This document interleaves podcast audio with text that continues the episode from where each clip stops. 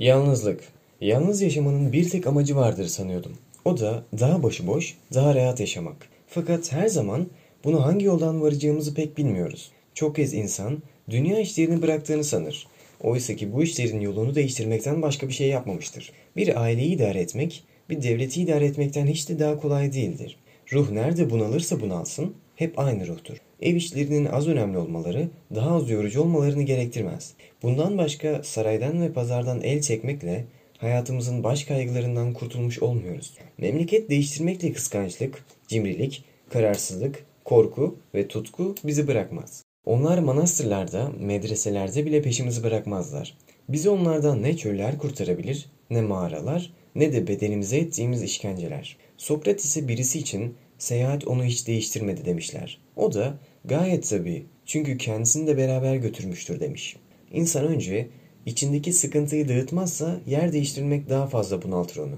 Nasıl ki yerine oturmuş yükler daha az engel olur geminin gidişine, bir hastaya iyilikten çok kötülük edersiniz yerini değiştirmekle. Hastalığı azdırırsınız kımıldatmakla.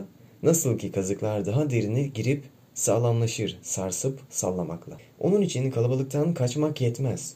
Bir yerden başka bir yere gitmekle iş bitmez. İçimizdeki kalabalık hallerimizden kurtulmamız, kendimizi kendimizden koparmamız gerek. Zincirlerimizi götürürüz kendimizle, birlikte. Tam bir özgürlük değildir kavuştuğumuz, döner döner bakarız bırakıp gittiğimize. Onunla dolu kalır düşlerimiz. Kötülüğümüz içimizde bizim. İçimizse kurtulamıyor kendi kendisinden. İnsanın mümkünse karısı, çocuğu, parası ve hele sağlığı olmalı. Ama saadetini yalnız bunlara bağlamamalı. Kendimizi dükkanın arkasında yalnız bizim için bağımsız bir köşe ayırıp orada gerçek özgürlüğümüzü, kendi sultanlığımızı kurmalıyız. Orada yabancı hiçbir konuğa yer vermeksizin kendi kendimizde her gün baş başa verip dertleşmeliyiz. Karımız, çocuğumuz, servetimiz, adamlarımız yokmuş gibi konuşup gülmeliyiz. Öyle ki hepsini kaybetmek felaketine uğrayınca onlarsız yaşamak bizim için yeni bir şey olmasın. Kendi içine çevrilebilen bir ruhumuz var. Kendi kendine yollaş olabilir, kendi kendiyle çekiş dövüş, alışveriş edebilir. Yalnız kalınca sıkılır. Ne yapacağını bilmez oluruz diye korkmamalıyız. Erdem der Antistenes.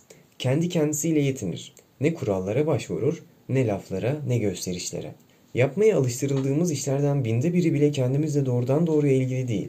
Bakarsınız bir adam canını dişine takmış, kurşun yağmur altında yıkık bir kale duvarına tırmanıyor bütün hıncıyla. Bir başkası karşı tarafta kan revan içinde aç billaç savunuyor o kaleyi ölesiye. Kendileri için mi gösteriyorlar bu yararlılığı? Uğrunda ölecekleri ve hiç görmedikleri insan belki o sırada kılını kıpırdatmadan keyif sürmektedir. Bakarsınız bir başkası bitkin, perişan, saçı sakalı birbirine karışmış kitaplıktan çıkıyor gece yarısından sonra bunca kitabı daha iyi, daha akıllı bir insan olmak için mi karıştırdı sanırsınız? Yok canım sende. Ya ölecek o kitaplıkta ya öğretecek yarınki kuşaklara. Platus'un dizelerini hangi düzenle kurduğunu ve falan latince kelimenin nasıl yazılması gerektiğini. Kim seve seve feda etmiyor sağlığını, canını, şan şeref için. Oysa kalp, bir paradan başka nedir ki şan şeref? Kendi ölümümüzden korkmakla yetinemeyiz. Karılarımızın, çocuklarımızın, adamlarımızın ölümünden de korkmak zorundayız. Kendi işlerimizden çektiğimiz sıkıntı yetmiyormuş gibi komşularımızın, dostlarımızın işleriyle de dertlere sokar, bunaltırız kendimizi.